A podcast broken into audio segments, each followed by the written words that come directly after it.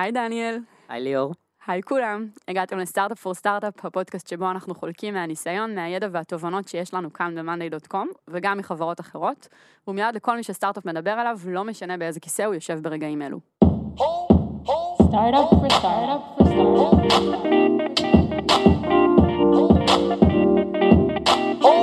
for חברות כמו monday.com, שצומחות uh, במאות אחוזים בשנה, נדרשות ללמידה מהירה ותמידית כדי להמשיך ולצמוח בקצב הזה. ואגב, יכול להיות שזה גם עובד הפוך, יכול להיות שהסיבה שאנחנו צומחים בקצב כזה היא כי אנחנו מצליחים להמשיך ללמוד uh, כל הזמן ולחדש. ואחת המתודות שבחנו בשנה שעברה הייתה חילופי עובדים. מצב שבו עובד שלנו מבלה שבועיים בחברה אחרת, לומד תרבות ארגונית אחרת ושיטות עבודה חדשות, ובעצם חוזר כדי להטמיע את הדברים בשטח, ובמקביל עובד מאותה חברה מתארח אצלנו במשרדים. אז בפרק היום נשתף אתכם בהזדמנות ש... שזיהינו בפרויקט הזה, בתובנות שלנו בנוגע לאפקטיביות שלו ולתוצרים שהוא מאפשר, וכמובן איך אפשר לייעל ולהפוך אותו לעוד יותר טוב. וכפי ששמתם לב, היום כאן איתי דניאל אריה, שהוא ה-Head of R&D שלנו כאן ב-money.com. היי ליאור. איזה כיף שאתה בכיסא המארח. כיף להיות פה. דניאל ואני שמחים לארח כאן היום את רודיק חנוקייב, שהוא מפתח full stack שבאפריל 2018 הצטרף אלינו למשך שבועיים, נכון? מטעם חברת Chegg. כן. היי רודיק. היי, היי ליאור, מה העניינים? היי דניאל. עברה כמעט שנה מאז, נכון? כן, כן. שזה יהיה פרק כזה רפלקטיבי. בהחלט, אני מקווה שאנחנו עדיין זוכרים הכל בדיוק כמו שזה היה, ו... כנראה שזוכרים אחרת, אבל יש אה, גם אה, יתרון לתובנות ש... המון נוסטלגיה, אני היום חזרתי למשרד, הגעתי לפה, ווואלה, קצת התחברתי, חוץ מכל השיפוץ המטורף הזה שהולך לכם פה בקומה. וחוץ מזה שאנחנו שלוש קומות, ואז היינו קומה אחת, כן, לדעתי, זה נכון? בואנה, זה, זה, וזה בדיוק היה רלוונטי, כי גם אז דיברנו שאנחנו גדלים, כולנו, גם אנחנו בצ'ק וגם רטה במאנדיי, ואני רואה שאתם בקיטור מלא ממשיכים לגדול גם היום. ממש, ותבוא בעוד שנה, אולי לא נהיה בבניין הזה. קודם נשתלט על הבניין ואז... ואז על ניו יורק. טוב, אז ככה קצת בשביל הקונטקסט, רודיק, אולי תספר לנו על עצמך וגם על חברת צ'ג. כן, אז אה, כמו שאמרת, אני רודיק, אני מפתח full stack כבר עשר שנים. Uh, בצ'ג אני עובד ארבע וחצי שנים. אה, הייתי ממש, כשהגעתי ל Chegg היינו חברה ממש קטנה, היינו 15 אנשים.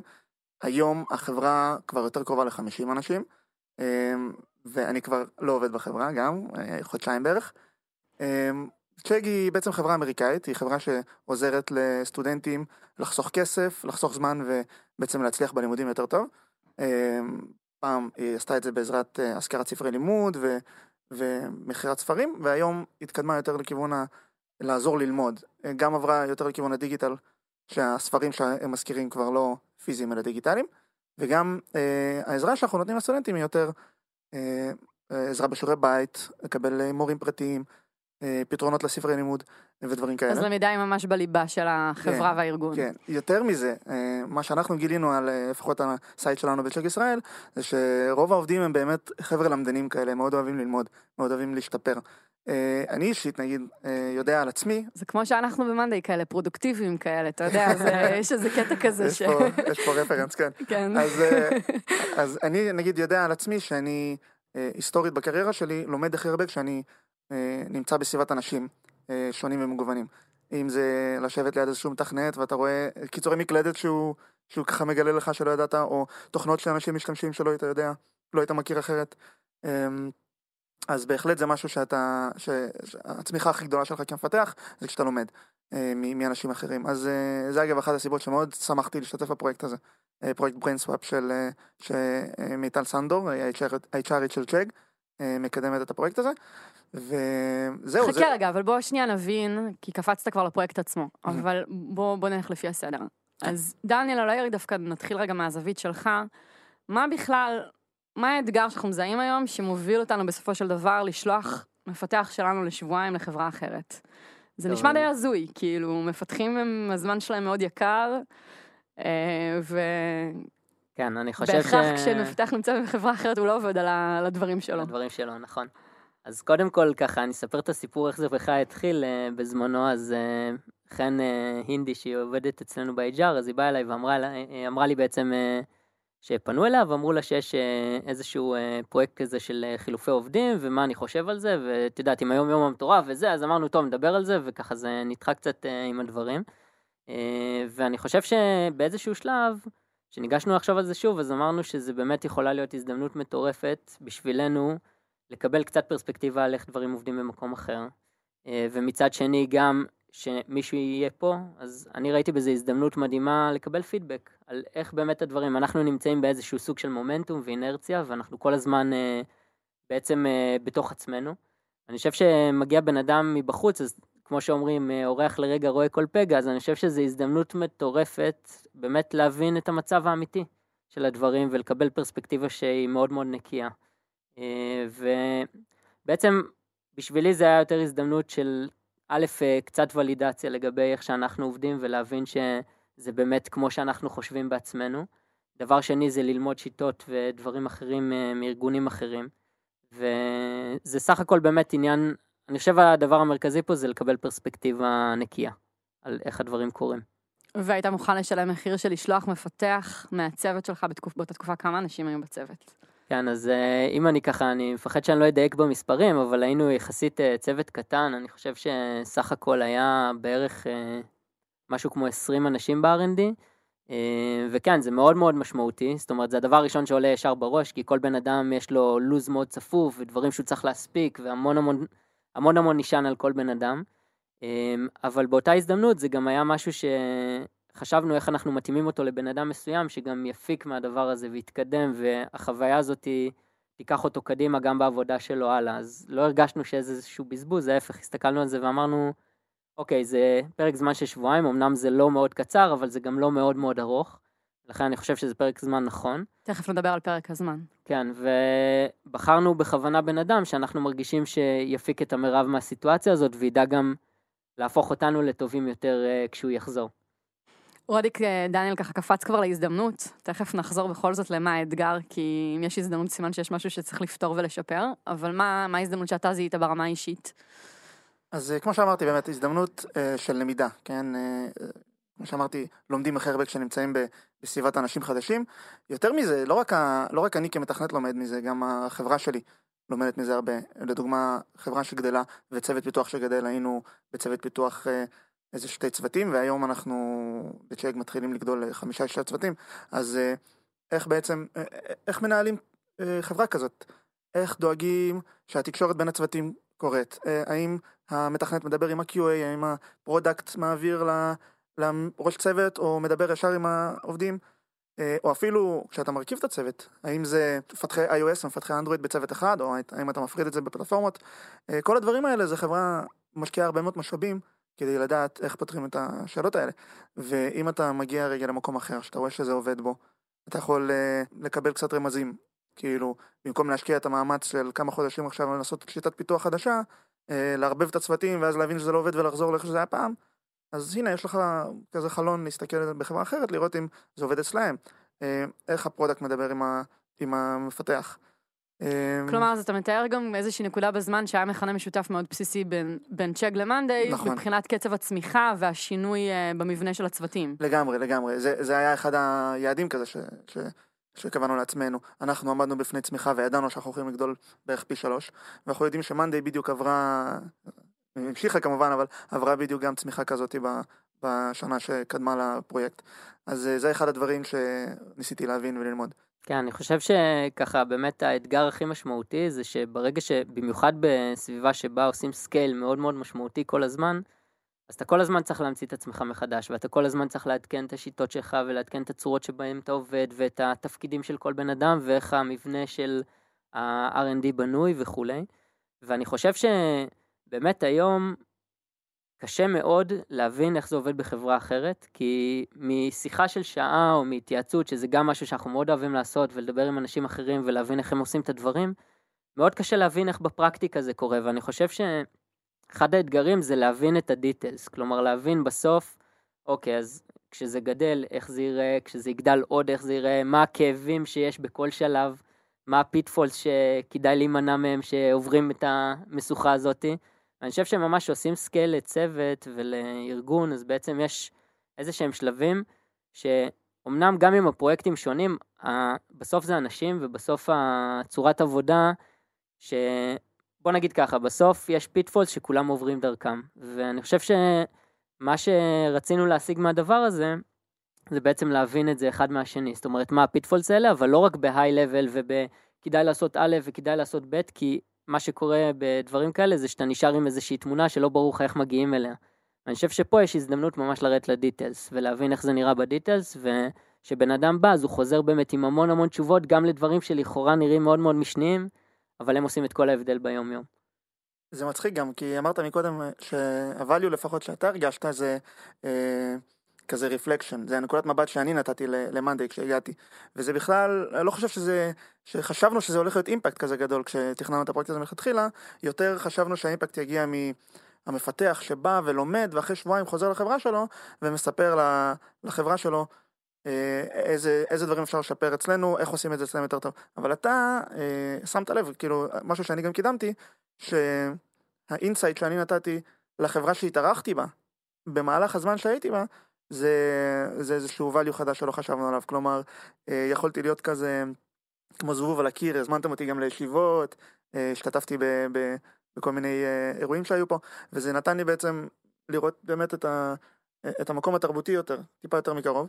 אמ, והצלחתי לתת לכם value בנושא הזה, את הוולידציה שדיברת עליה. כן, זה מעניין שהvalue שיכולת לתת הוא גם לצ'ק וגם למאנדיי, ולא רק לחברה שממנה הגעת. אני חושבת שגם עוד משהו ששווה ככה לשים עליו את האצבע ששניכם מדברים עליו, זה ההבדל בין למידה אולי אינטלקטואלית ללמידה חווייתית. כי בסוף, גם אם uh, יושבים באמת, דניאל, כמו שאתה מתאר, שני מפתחים ומנסים uh, להעביר ידע אחד לשני, יש דברים שאפילו הם בעצמם לא מודעים אליהם שהם עושים אותם. אה, לפעמים הלמידות, כמו שאמרת קודם, רודיק, הם דווקא בלהציץ מעבר לכתף של מישהו ולראות שהוא משתמש באיזשהו... במשהו אחרת מהדרך שאתה משתמש כן. בה, או, או, או, או שומע איזשהו שיר ברקע שנותן לו השראה תוך כדי העבודה. לגמרי. ואת זה, זו, זו באמת למידה חווייתית, ש, שקשה לתמלל אותה. ותכף אני גם רוצה להבין מכם איך מתמללים אותה הלאה, כי בסופו של דבר כן ש... בשני הצדדים נדרשנו כן להעביר את הידע לאנשים אחרים. זאת אומרת, אתה רודיק חזרה לארגון שלך, ואצלנו בראבר ששלחנו, נכון? כן. אה, ליאור בראבר, היי בראבר. ש... שהיה אמור לחזור ו- ו- ו- ולספר על התובנות. אז איך הופכים חוויה באמת למשהו שכן אפשר לדבר אותו אחר כך בצורה שאחרים גם יכולים ללמוד ממנו, את זה נבין עוד מעט. אתה רוצה להוסיף משהו? כן, אני חושב שככה כדוגמה, סתם כדי להפוך את זה למשהו יותר מוחשי, אז אני זוכר ש...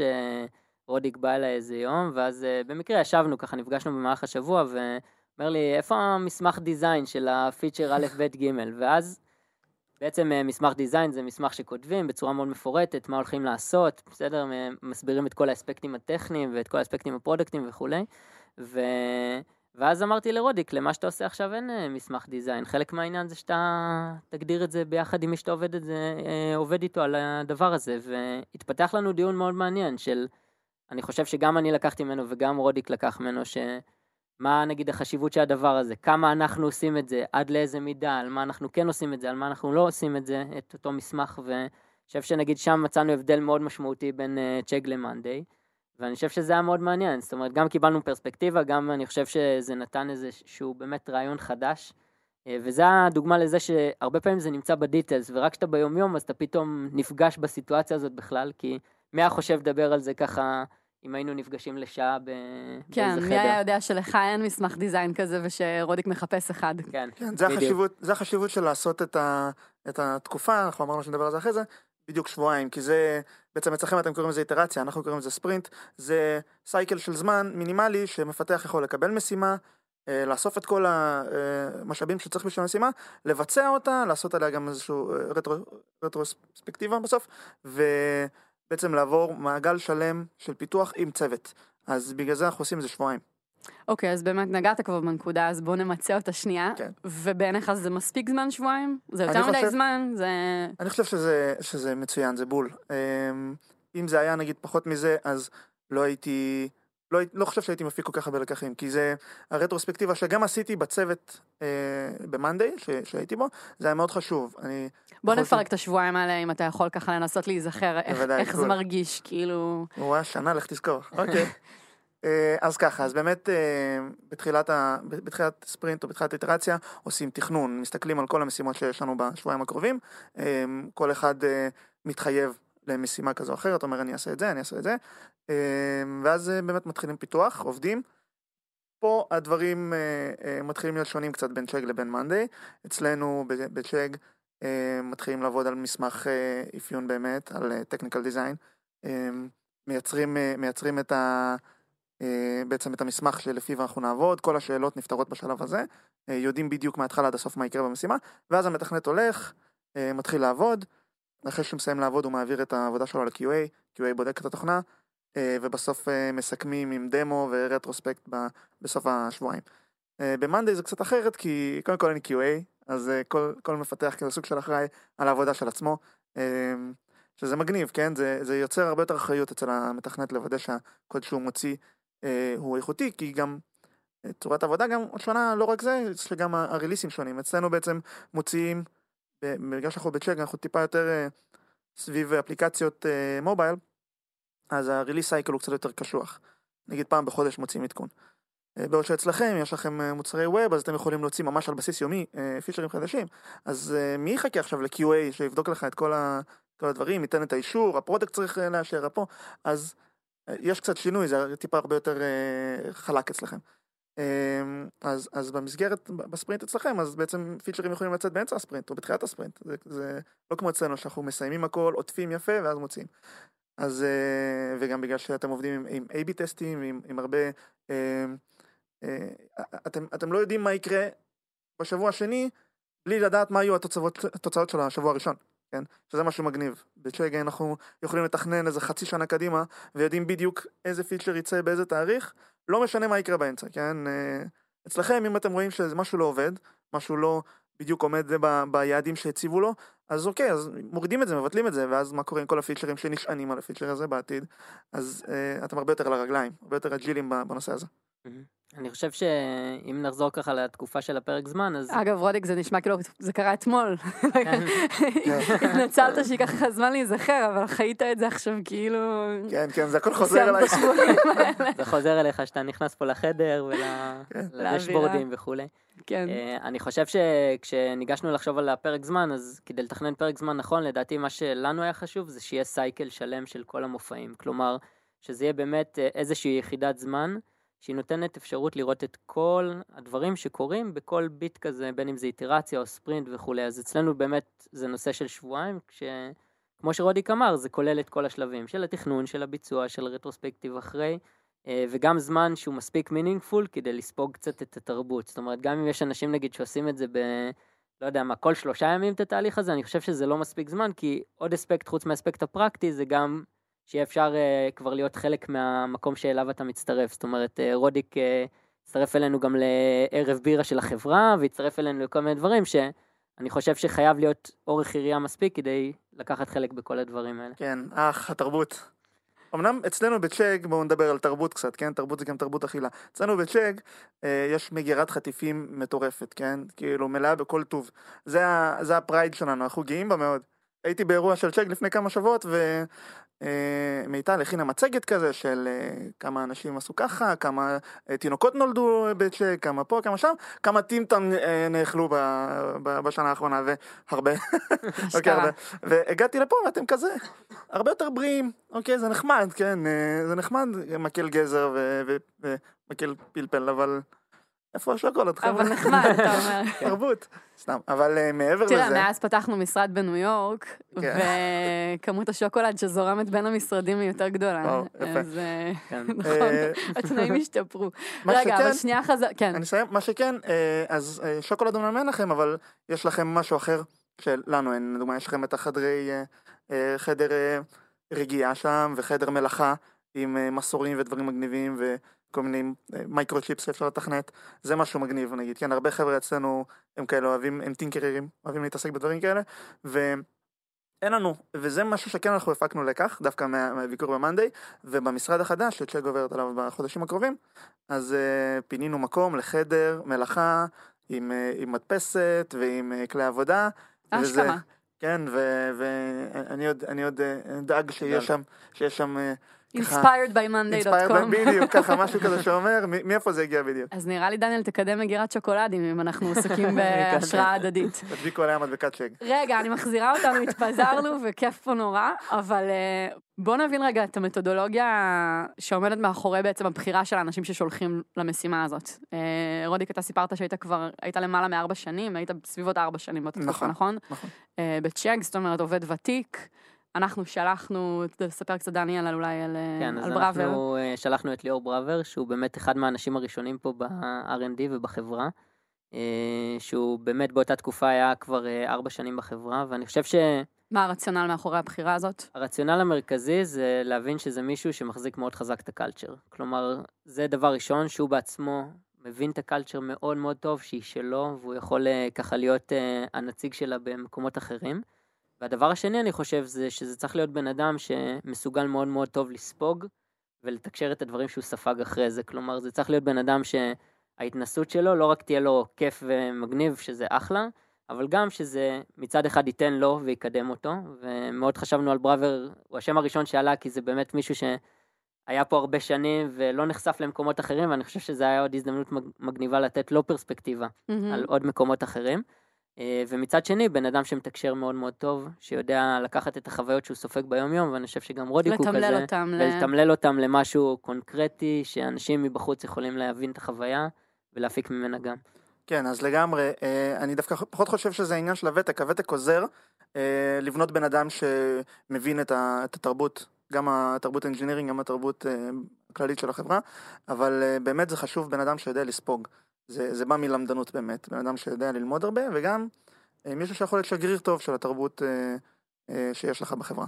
אז זה שתי הדברים האלה.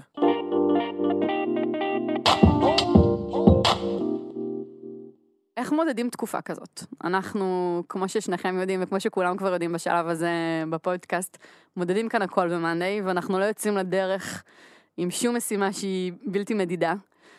איך אה, הופכים שבועיים כאלה למשהו שהוא כמית ומדיד?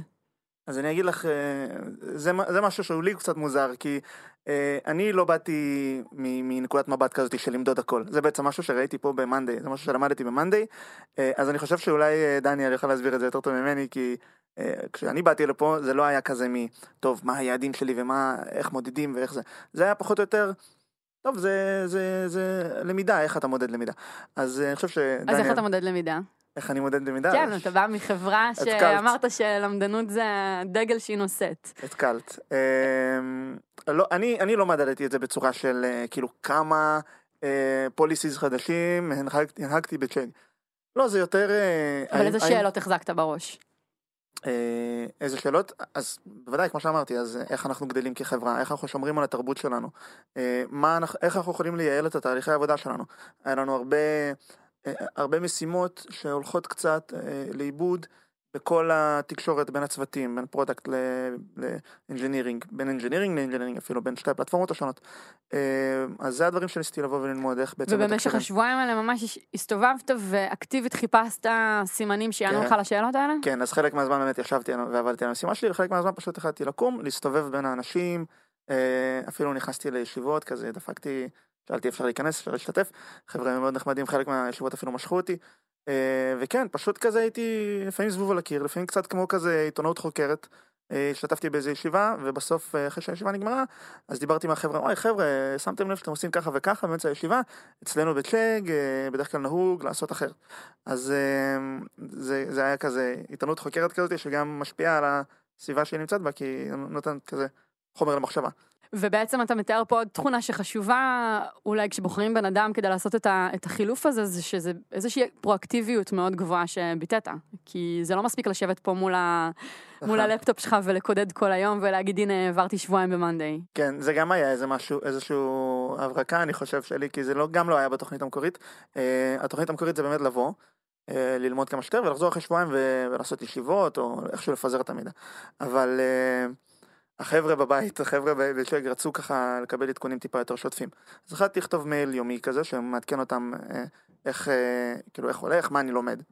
והיה לזה אפקטים מפתיעים, כן? אה, נגיד החבר'ה, החבר'ה בצ'אג גילו שהם יכולים להשתתף בפרויקט הזה בזמן אמת. בעצם יכלו לשאול אותי שאלות היום, ואם לא הייתי יודע את התשובות עליהן, מחר שאני חוזר למאנדי אני יכול לתחקר את השאלות האלה.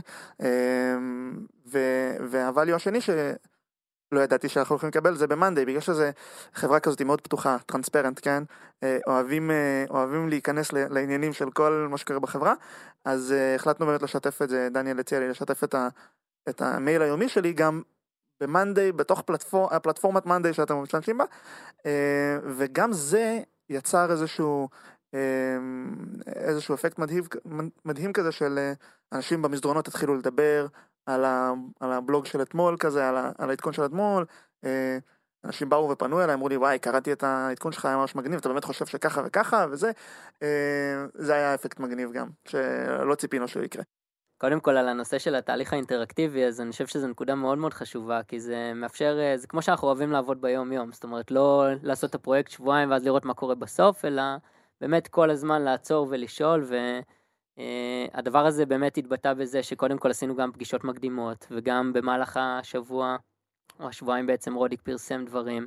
בסוף השבועיים עשינו דמו גם שרודיק הציג מה שהוא עשה וגם uh, בראבר הציג מה שהוא עשה וזה היה בפורום של שני הצוותים. שזה היה מאוד מעניין גם, ואני חושב שלשמור את החברה בעצם שנשארה בבית, מה שנקרא, חלק מהתהליך, זה מאוד מאוד משמעותי, וזה מאפשר באמת אה, ללמוד מזה הרבה הרבה יותר. אה, בנוגע ל-KPI, אז ככה איזה אנקדוטה קטנה, אני זוכר עם רודי, כשעברנו חוויה מעניינת, שהוא בא לפה באמת אה, ככה, ושאל בתחילת השבועיים, טוב, מה, מה אני צריך לעשות, מה אני עושה? ואז אמרנו לו את הכיוון והכל, והוא אמר, אוקיי, מעולה. ואז אמרנו, טוב, אבל איך אתה הולך למדוד שמה שאתה עושה באמת תשיג את המטרה שלו? ואני חושב שזו הנקודה מאוד מעניינת ככה שאולי רודיק יספר, על זה שבאמת אנחנו מאוד מאוד ניסינו גם לשבוע הזה להבין קודם כל מה אנחנו רוצים, שהדבר הזה יהיה מאוד מאוד meaningful, כלומר, שבחרנו את המשימות, בחרנו דברים שבעינינו באמת הם משמעותיים ויש להם impact אמיתי, כי אחרת זה לא משרת את המטרה, כי אנחנו מאמינים שככה אנחנו עושים את המשימות ביום יום וככה אנחנו בוחרים אותם. ודבר שני, אני חושב שגם uh, רצינו לתת לרודיק את ה... למרות שהוא בא באמת רק לשבועיים, את ה experience כאילו עובד לגמרי רגיל פה ב monday. שאגב, זה ממש לא מובן מאליו בעיניי, כי הדרך הקלה לעשות את זה היא להגיד, טוב, מגיע מישהו לשבועיים, בוא נעביר לו את הזמן, נעשה לו good time, הוא קצת יסתכל, קצת ייגע בקוד, יהיה לו נעים, כן. יהיה לו נחמד, וזה שאתה אומר שרצית שבסוף תהיה לו חוויה משמעותית, גם פנימה מבחינת התוצרים שהוא ישאיר מאחוריו, וגם, כלומר, impact, כמו שאנחנו קוראים ל impact, זה, זה extra mile. כן, אני חושב שזה הדרך היחידה שבה הוא באמת יכול להבין את התרבות. זאת אומרת, אני חושב שגם לרודיק היה כאלה נקודות שהוא שאל את עצמו, רגע, אני קצת בלחץ, מה אני צריך לעשות ככה וככה, ושואלים אותי, אני רק אה, יום פה, ושואלים אותי מה אני צריך לעשות. ואני חושב אבל שזה בדיוק חלק מהנקודה, שגם ה ownership הזה המלא, וגם להבין בדיוק מה הוא צריך לעשות. רצינו שהוא באמת יבין איך הדברים עובדים. אה, ולכן אני חושב שברגע שעושים פרויקט כזה, מאוד מאוד חשוב באמת שגם המשימה שבוחרים וגם הדרך שבה עובדים, היא תהיה דרך מאוד מאוד אותנטית ואמיתית, כאילו זה בן אדם מהחברה שבאמת אה, נמצא שבועיים. מצד שני באמת מאוד מוגדר. ומאוד מוגדר, כן? צריך להיות לזה scope מאוד מאוד ברור, צריך להיות לזה אפשרות באמת להגיע לניצחון בסוף, אני חושב שזה מאוד חשוב, אה, אבל זה חייב להיות מאוד מאוד אמיתי ואותנטי, ואני חושב ש... זה אחד הדברים שאנחנו בהכנה אמרנו, שאנחנו בכלל מאמינים בלהיות מאוד transparent לגבי הכל. אנחנו רצינו להיות ממש אנחנו, ושרודיק ירגיש את זה, גם את הדברים הקשים וגם את הדברים הטובים. אני חושב שאולי רודיק אתה תספר קצת על החוויה הזאת. בהחלט, אני חייב להגיד שזה היה קצת wake up call בשביל, בשבילי, כל הסיפור הזה של אני מקבל משימה ואז אומרים לי טוב אבל תגדיר את ה-KPI של המשימה. תגביר את התוצאות שאתה רוצה להגיע אליהן. אני כזה, מה זאת אומרת? רגע, בואו ננסה לדבר על זה אפילו טיפה יותר קונקרטי. אתה זוכר מה הייתה המשימה? כן, וזה גם חלק חשוב, כי המשימה עצמה, בגלל שהיא נבחרה, אני חושב, קצת בחוכמה, אה, עזרה לי להבין יותר טוב את, את בעצם את מה שאני עובד עליו. אה, המשימה שלי הייתה אה, לבנות דשבורד לצוותים, לצוותי טאסק פורס, שזה צוותי משימה שנוצרים בשביל לפתור בעיה ספציפית לתקופה מסוימת, ולהציג בדשבורד הזה את ההתקדמות שלהם כלפי ה-KPI שהם הגדירו.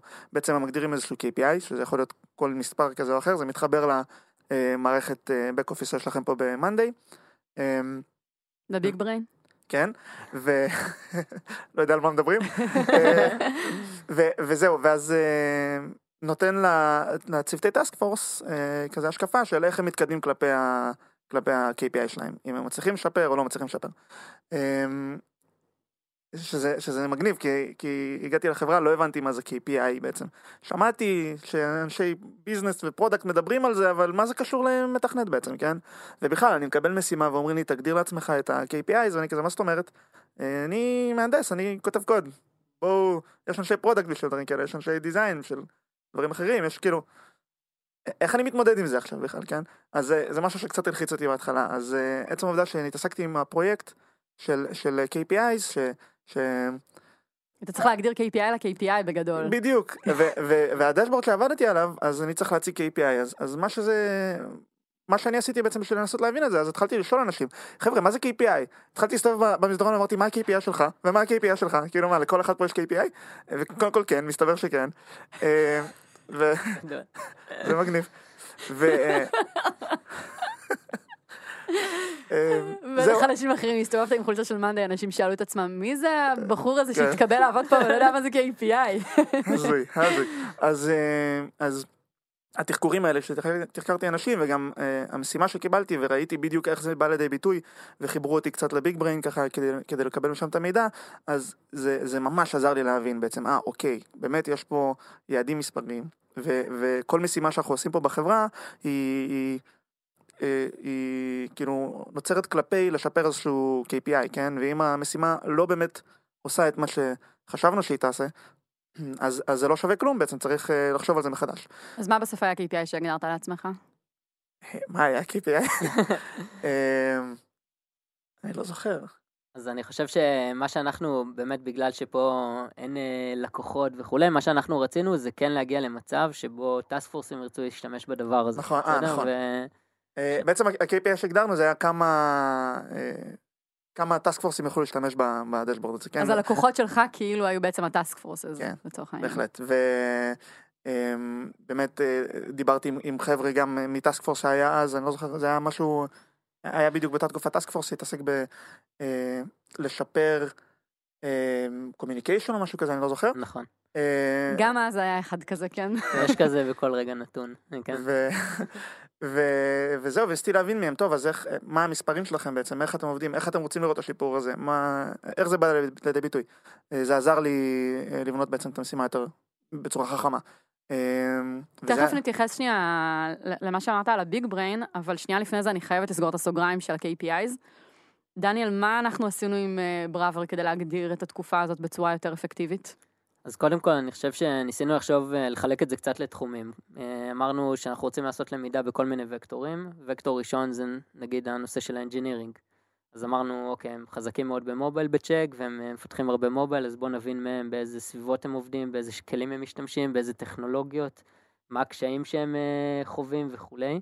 אה, נגיד היה מאוד מעניין אותנו, היינו בדיוק לפני החלטה אם לנסות React Native או לא, ורצינו להתייעץ ולהבין ולראות איך זה עובד אצלם, ואם הם משתמשים בזה כן או לא. אז וקטור אחד היה וקטור טכנולוגי, הוקטור השני זה היה הנושא של ה process ים. כלומר, איך בעצם הולך סייקל שלם של מ-roadmap לתכנון של איטרציות, לדליברי של איטרציה אחרי איטרציה ורטרוספקטיב על הדברים האלה, כל מה שעובר בצוותים. והאלמנט השלישי זה שבעצם אה, באנו וכתבנו שאלות, כל מיני שאלות תרבותיות שעניינו אותנו לדעת, אה, בין אם זה דברים כמו, נגיד, אה, איך נראה שם יום יום של מפתח, איך המערכת יחסים בין המפתחים, איך המערכת, אה, איזה מופעים יש למפתח בלוז שלו, מבחינת one on ones, מבחינת תהליכי חניכה שהוא עובר, שזה גם משהו שאני חושב שבזמנו עניין אותנו מאוד ללמוד מצ'ק ולהבין, יש להם איזשהו תהליך של ניתוח פרסונות לכל עובד שנמצא שם, שמאפיין את התכונות שלו בעצם, ואז לפי זה מתאים לו את אה, תהליך החניכה וגם אה, את הדברים שעליהם הוא יעבוד וכולי, כדי שזה יתבסס על החוזקות שלו. אה, וזה היה נשמע לנו מאוד מעניין, אז לפני שבראבר בעצם הלך, אז מה שניסינו זה להגדיר בכל אחד מהווקטורים האלה שאלות קונקרטיות שהוא ינסה לענות עליהן במהלך הזמן הזה. מי לקח אה, חלק בתהליך ההגדרה הזה? אז בזמנו, אה, אם אני זוכר נכון, זה היה כמובן אני ובראבר, ביחד עם אה, אה, רודיק ועוד אה, חבר'ה מצ'ג, אה, זה היה בזמנו אביאל אם אני זוכר נכון, וגם מיטל הייתה שם, וכן הינדי מה-HR אצלנו. אה, אבל רוב העבודה הזאת של ההכנה הספציפית עשינו אני ובראבר לפני, ואני חושב שזה משהו שמבחינתי הגדיר מאוד, אה, זה גם סוג של KPI, כן? כי יש בסופו של דבר כל מיני שאלות שאנחנו רוצים להבין, וכל מיני דברים שאנחנו רוצים להבין, on top of ה-insights שיהיו גם ככה מעצם החוויה וכולי. אבל אני חושב שעצם העובדה שממסגרים את מה שמנסים להשיג מהדבר הזה, זה גרם לנו פתאום להבין שאנחנו חייבים סייקל שלם, כמו שאמרנו קודם על פרק הזמן, ולהבין אה, בדיוק איזה משימה נגיד אנחנו רוצים מהצד השני שתהיה לרודי, כדי שהוא יבין את הדברים שאנחנו חושבים שיכולים לתת ערך וכולי, וזה ממש אה, נתן בוסט לכל הנושא הזה של הלמידה מהתהליך הזה. אה, זה שוב אולי גם אה, שם דגש על כמה חשוב לבחור חברה שהיא נכונה, שיש לה אולי חוזקות, אפרופו אמרת חוזקות, שיש לה יתרונות יחסיים אה, אה, יחסיים ביחס אלינו, ולנו יש יתרונות יחסיים ביחס לחברה הזו. אה, כי נגיד מובייל זה באמת משהו שאנחנו תמיד מחפשים ללמוד כן. עליו, נכון? ו... כלומר, לא כל חברה הייתה נותנת את המענה הזה. כן, אני חושב שמאוד חשוב לבחור חברה שמצד אחד כן יש אה, איזשהו קו מנחה בתרבות שהוא זה, כי אם זה תרבות שונה לגמרי ומאמינים באני מאמין שונה לגמרי, אז יהיה קשה מאוד לקחת מזה דברים קונקרטיים. אבל מצד שני, שהיישום של אותה תרבות הוא, הוא מאוד מגוון ושונה, ואז uh, באמת אפשר ללמוד הרבה מאוד דברים, וכמובן, צריך לזכור את הצד של ה engineering, שפה אני חושב שיש המון המון מה ללמוד, כן? על תהליכים של engineering, על, uh, כמו שדיברנו קודם, על מסמכי uh, development specs כאלה וכולי, וזה עולם שלם שרק בו אפשר להתעמק המון. בהחלט, אני חושב שכשבוחרים, חבר... כאילו, שתי חברות משתתפות בפרויקט כזה ביחד, שזה, הוא, הוא חושף הרבה, כן? זה, זה, זה פרויקט מאוד אה, אינטימי, כן? אתה מכניס עובד לשבועיים לתוך החברה, אה, מחתים אותו על NDA, או, או אפילו אם לא, אה, זה משהו מאוד אינטימי. נוצרת איזושהי מערכת יחסים אה, מגניבה כזאת בין שתי החברות, כן? שתי החברות הופכות להיות קצת אה, חברות כאלה, כן? אה, משהו שאני חושב שאפשר אה, לנצל טיפה יותר. אה, אני חושב שהפרויקט הזה, אחד ה-values שהוא יביא, אני לא יודע אם כאילו, אני כן יודע שזה קורה עכשיו, משהו שכן עובד בין Chegg ל monday. אה, חברות שנהיו מאוד מאוד קרובות. ה-HR עובד עם ה-HR אה, של שתי החברות, אני יודע שהן אה, מרצות בכנסים ביחד ומשתפות באירועים ביחד, ועכשיו נוצרת איזושהי מערכת יחסים גם בינינו, בין ה engineering. אני יודע שבגלגול קודם של הפרויקט, עם חברה אחרת, אז המהנדס שבא הגיע אלינו ועזר לנו בכמה דברים, אנחנו יצרנו איתו מערכת יחסים מאוד טובה של, של עזרה, ואנחנו מדי פעם אה, יוצרים איתו קשר ונעזרים בו, וזה איזושהי מערכת יחסים ש... אפשר להמשיך אותה מעבר לשבועיים האלה, אתה אומר. בדיוק, זה, זה משהו, זה, אני לא, לא מכיר מקום, כאילו, דבר כזה ששתי חברות מרגישות אה, בנוח אחת עם השנייה, כדי לשתף משאבים מעבר למה שקורה ביום יום. אז באמת בוא נדבר קצת על זה, וזו גם הנקודה שהתייחסתי אליה קודם ביחס לביג בריין, כי כשהבנתי שהייתה לך גישה לביג בריין, הבנתי פתאום כמה באמת הפרויקט הזה הוא רגיש, זה ממש ממש לא ברור מאליו להכניס מישהו ש... שהוא לא עובד חברה ולתת לו גישה, אמנם אנחנו לא בונים כאן אה, חלליות אה, למאדים, אבל אה, בסוף זה האסטים שלנו בחברה. איך, אה, איך יוצרים תשתית שמאפשרת אה, כזאת פתיחות וכזאת רמת אמון בסופו של דבר?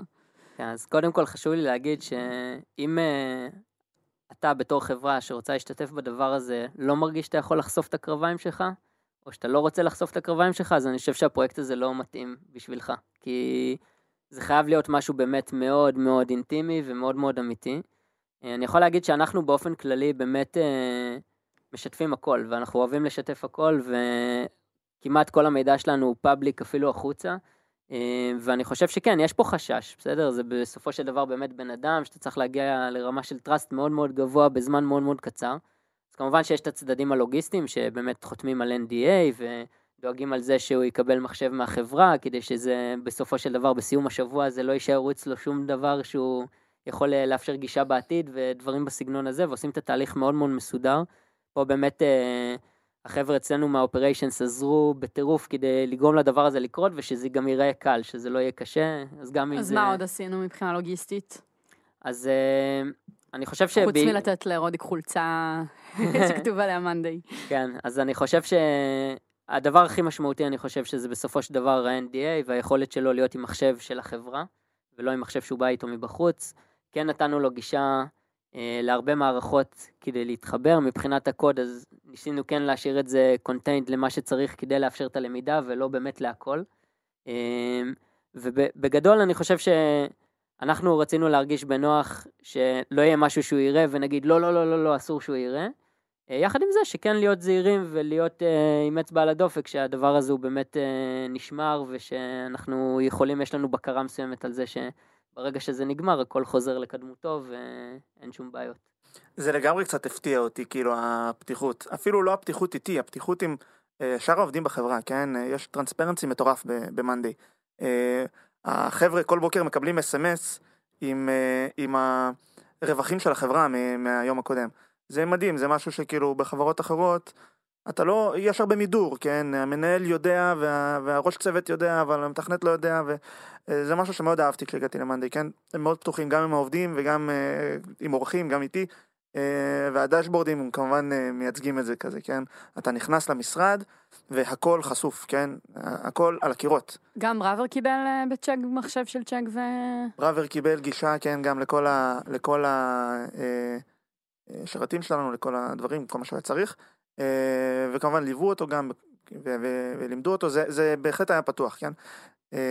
למרות שאני פחות הייתי מעורב במשהו, זה, זה קטע, כן? אתה מגיע לפה לשבועיים, אין לי מושג מה קרה בצ'ק בשבועיים אתה לא יודע כן? איך נראה בראבר בכלל, אתה אומר. בדיוק. פגשתי אותו, נכון, באנו לפגישה אחת אה. שנינו, אבל כאילו יש, יש ביני לבין בראבר כזה איזשהו משהו מיוחד כזה, איזשהו קשר מיוחד שעשינו, השתתפנו בפרויקט ביחד, החלפנו אחד את השני, משהו קוסמי כזה, אבל אה, לא מכיר אותו, כמעט ולא מכיר אותו. נכון, מצחיק. לך לעבוד. ומה שמצחיק זה שבשבועיים שאני פה, אז בראבר זה השם ששמעתי הכי הרבה, כן? כי כולם כזה, אה, כמו במקום בראבר, או מה... מהחבר'ה בארץ כזה טוב, בארץ, אה, החבר'ה בצ'ק, טוב אל תחזור, כאילו החלפנו אותך כזה פחות או יותר, הכל טוב. סתם בעצם זה הקונספירציה להחליף אותך כל הזמן הזה. כן, אה, זה, זה היה מאוד מצחיק, שכאילו הר- הרבה רפרנסים לבראבר ואני לא, לא יודע מי זה. פחות או יותר. אה, דניאל, ה-NDA היה איזשהו תנאי הכרחי ל- לביצוע של הפרויקט הזה? אז תראי, בסופו של דבר זה, מבחינת איך שאנחנו מחליטים, אני הרגשתי שזה נחוץ. אני חושב שזה חשוב אה, לייצר מצב שבו מרגישים באמת בנוח. זאת אומרת, אה, ואני חושב שזה אחד מהדברים שמאפשרים את זה. אנחנו גם, אה, בכלל, גם אה, נגיד יש דברים מסוימים שרודיק רצינו להכניס אותו למערכת למאנדיי, אז הזמנו אותו לתוך מאנדיי כדי שיוכל גם לראות, אבל היו דברים נגיד שלא התאפשרו לו לראות כי הוא נכנס בתור גסט למערכת לצורך העניין, שזה מישהו שלא רואה בהכרח הכל. אז כן ישבנו איתו, והיה לי זמן עם רודי כשאני יושב ומראה לו את הבורדים שלנו ואיך אנחנו עובדים ובפיתוח וכולי.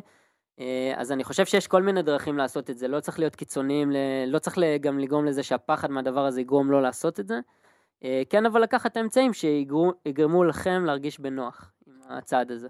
צריך רק, אה, צריך להיות עדין עם זה, כי, כי בסופו של דבר זה כן, הפרויקט הזה הוא נועד למטרת למידה, כן? ואם אתה מוגבל קצת עם, עם אה, לחתום על מסמכים, מסמכי סודיות ודברים כאלה, אה, מן הסתם כאילו מאנדיי מבינה שזה, שאני הולך לחזור לצ'ק ולדבר על תרבות ועל תרבות ארגונית ודברים כאלה, אז אה, זה לא הסודות שהיא רצתה אה, להסתיר, אבל אה, כן צריך להבין שכשאתה משתתף בפרויקט כזה אתה בעצם בא בכוונה תחילה בשביל לשתף הרבה כאן אז צריך לראות ש- שאם אם עושים מנגנוני הגנה כאלה שהם לא מפריעים כן, ל- שזה לא רק לרעיון של. הפרויקט, כן. נכון.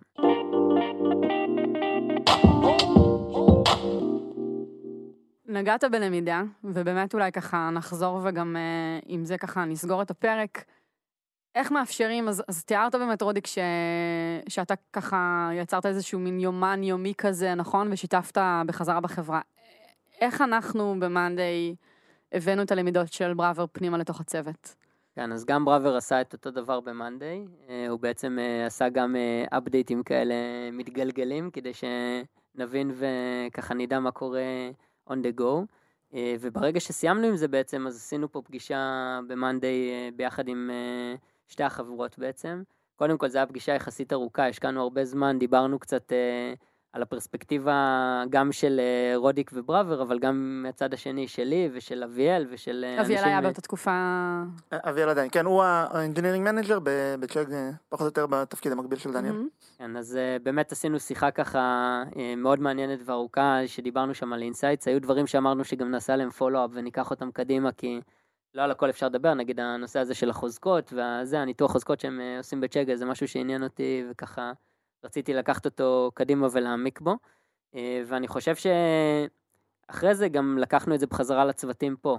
זאת אומרת, uh, בסופו של דבר, uh, בראבר הציג אחרי זה לכל ה-R&D, גם את הביקור ואת החוויה ואת הדברים שהוא למד, וניסינו לחשוב ביחד איך לוקחים כל אחד מהשאלות האלה שדיברנו עליהן קודם, ואיך אנחנו, את הדברים שאנחנו רוצים להכניס, אנחנו מכניסים אותם אה, יחד. זאת אומרת, היה לנו מאוד חשוב גם לשתף בזה את כל ה-R&D ואת כולם.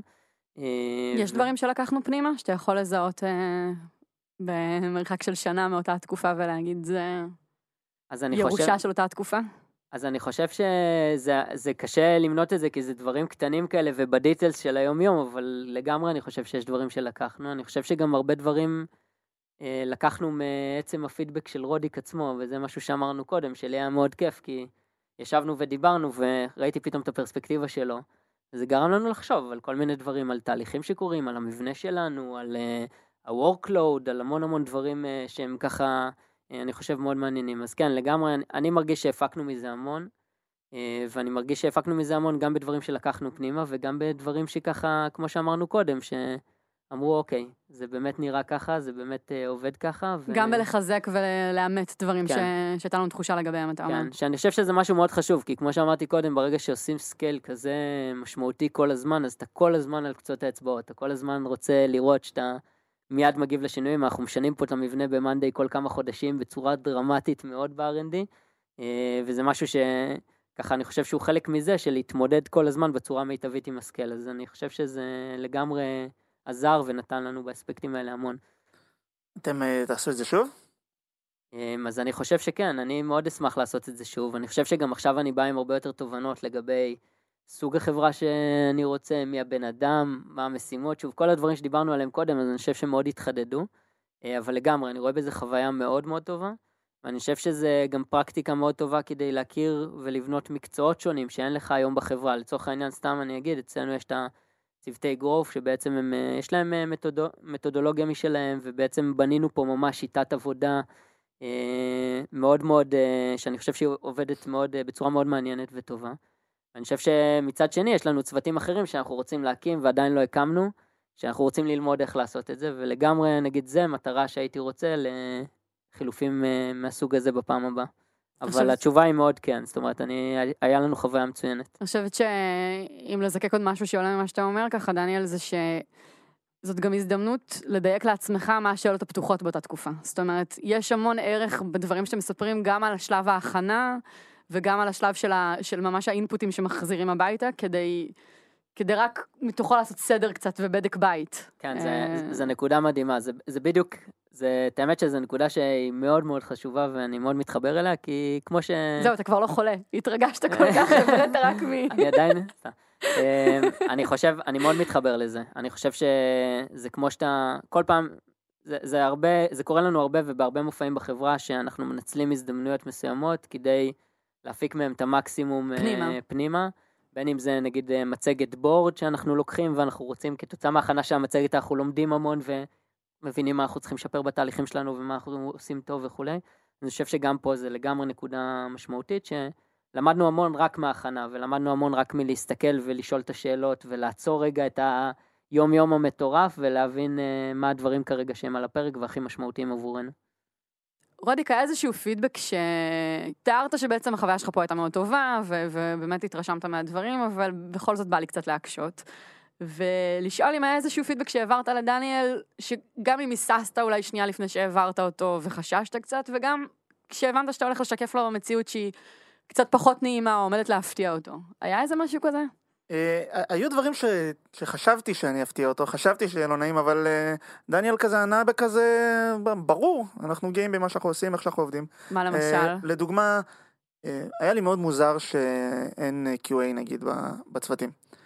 אה, כמעט בכל חברה שאני, שאני מכיר, שעבדתי בה, יש צוות QA, אפילו אם זה איזשהו בן אדם אחד, ורציתי להבין בעצם, אוקיי, אז זה, זה מעמיס הרבה על המפתחים בעצם, גם מן הסתם, כל מפתח בודק את הקוד שלו אחרי שהוא כותב, אבל QA עושה עבודה הרבה יותר נרחבת. יסודית, כן. כן, הרבה יותר נרחבת מ- מסתם לבדוק את הפיצ'ר, הוא עושה בדיקות מקיפות ולפני ריליס ודברים כאלה, אז, אה, אז כאילו באתי לדניאל, אמרתי לו, איך, איך בעצם מתמודדים בלי QA, כן? אה, מה נשמע שאתה ענית? שואל אותו שוב. מה- ענית? אז אה, כן, אבל שאלת את זה ממקום מופתע או ממקום גם של קצת ביקורת של... אה, מקום של, ניסיתי גם, ניסיתי להבין את הרציונל? גם דיברתי עם המתכנתים, ניסיתי להבין מהם אם חסר להם, כן? אם, בעצם גם החבר'ה למטה מרגישים כמו, כמו שלמעלה מגדירים, כן?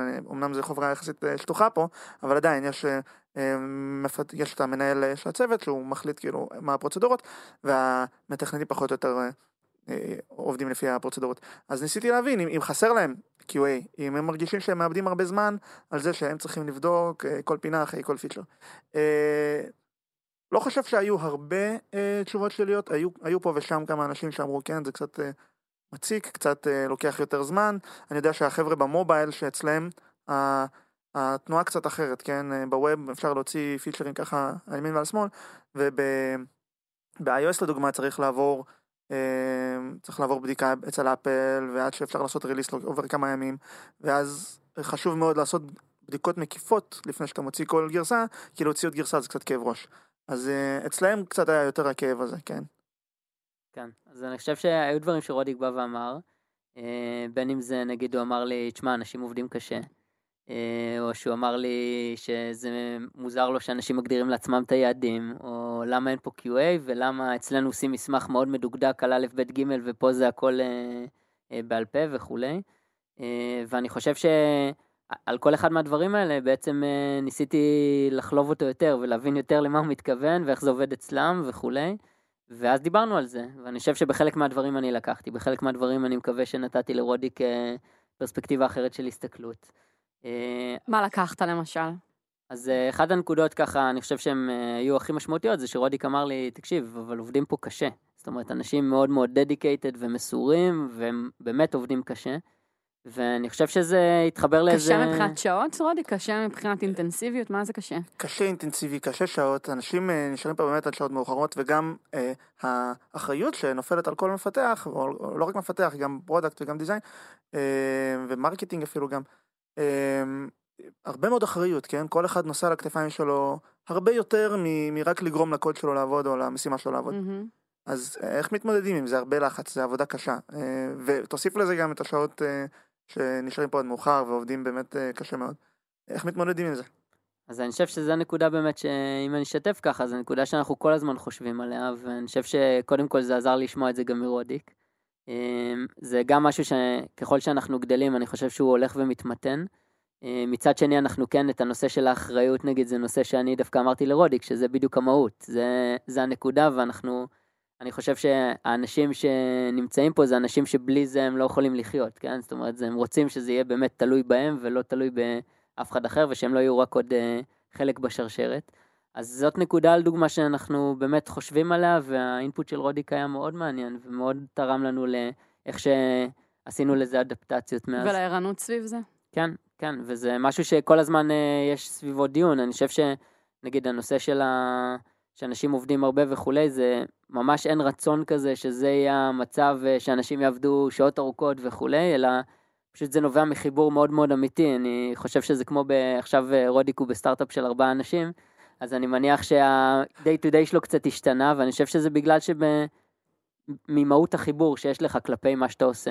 לגמרי, לגמרי, כי באמת באותה תקופה, אז uh, לעבוד uh, בחברה שפחות או יותר דומה ל monday, כשעבדתי ב Chegg, אז uh, אצלנו היה באמת קצת יותר laid back, אבל היום שאני עובד בסטארט-אפ, וכנראה שצריך לחשוב על monday טיפה יותר כמו על סטארט-אפ, כן? שזה מעניין, שב-200 איש אנחנו עדיין חושבים כמו סטארט-אפ. וזה אחד התובנות שהיו לי, כן? איך זה שיש כל אחד כל כך הרבה אחריות כמו בסטארט-אפ, לכולם כל כך אכפת מהם מהעבודה שלהם כמו בסטארט-אפ, כולם נשארים שעות אה, לתת מעצמם כמו בסטארט-אפ, והיום שאני עובד בסטארט-אפ אז אני פתאום, אה, אני חי את זה ואז אני לא שואל את עצמי למה ככה, כי אני מבין שפה זה האחריות שלי, כן?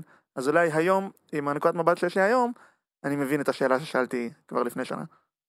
רודיק, לסיום ככה, אם יש מישהו שמאזין עכשיו לפרק ושואל את עצמו אחת מהשאלות הבאות, בין אם זה עובד שאומר האם כדאי לי ללכת ולעשות חילופים כאלה בעצמי, מה יוצא לי מזה, ובין אם זו חברה שמתלבטת עם להיכנס לתהליך כזה עם חברה אחרת, יש לך ככה טיפים לתת להם? בהחלט, תשמעי זה מפחיד, כן? אה, קשה מאוד אה, למצוא שותף ל... רגע, מה מפחיד? אה, לחשוף את החברה שלך ככה להביא בן אדם זר מבחוץ כביכול, או לשלוח לאבד כביכול מפתח לשבועיים. זה, זה, זה הצורה שבה נגיד engineering manager יראה את זה, כן? שמה אני צריך עכשיו אה, לאבד אה, מפתח מ, מ, כאילו, מהריסורסס שלי לשבועיים, ולקבל סתם מישהו שאני לא יודע בכלל אם הוא יכול לעשות עבודה שהיא קריטית לי לעכשיו. אז uh, הייתי רוצה ש, שיראו את זה, דווקא את הvalue של זה, כן? ויש לזה המון value. במיוחד לחברות שרוצות ללמוד ולצמוח.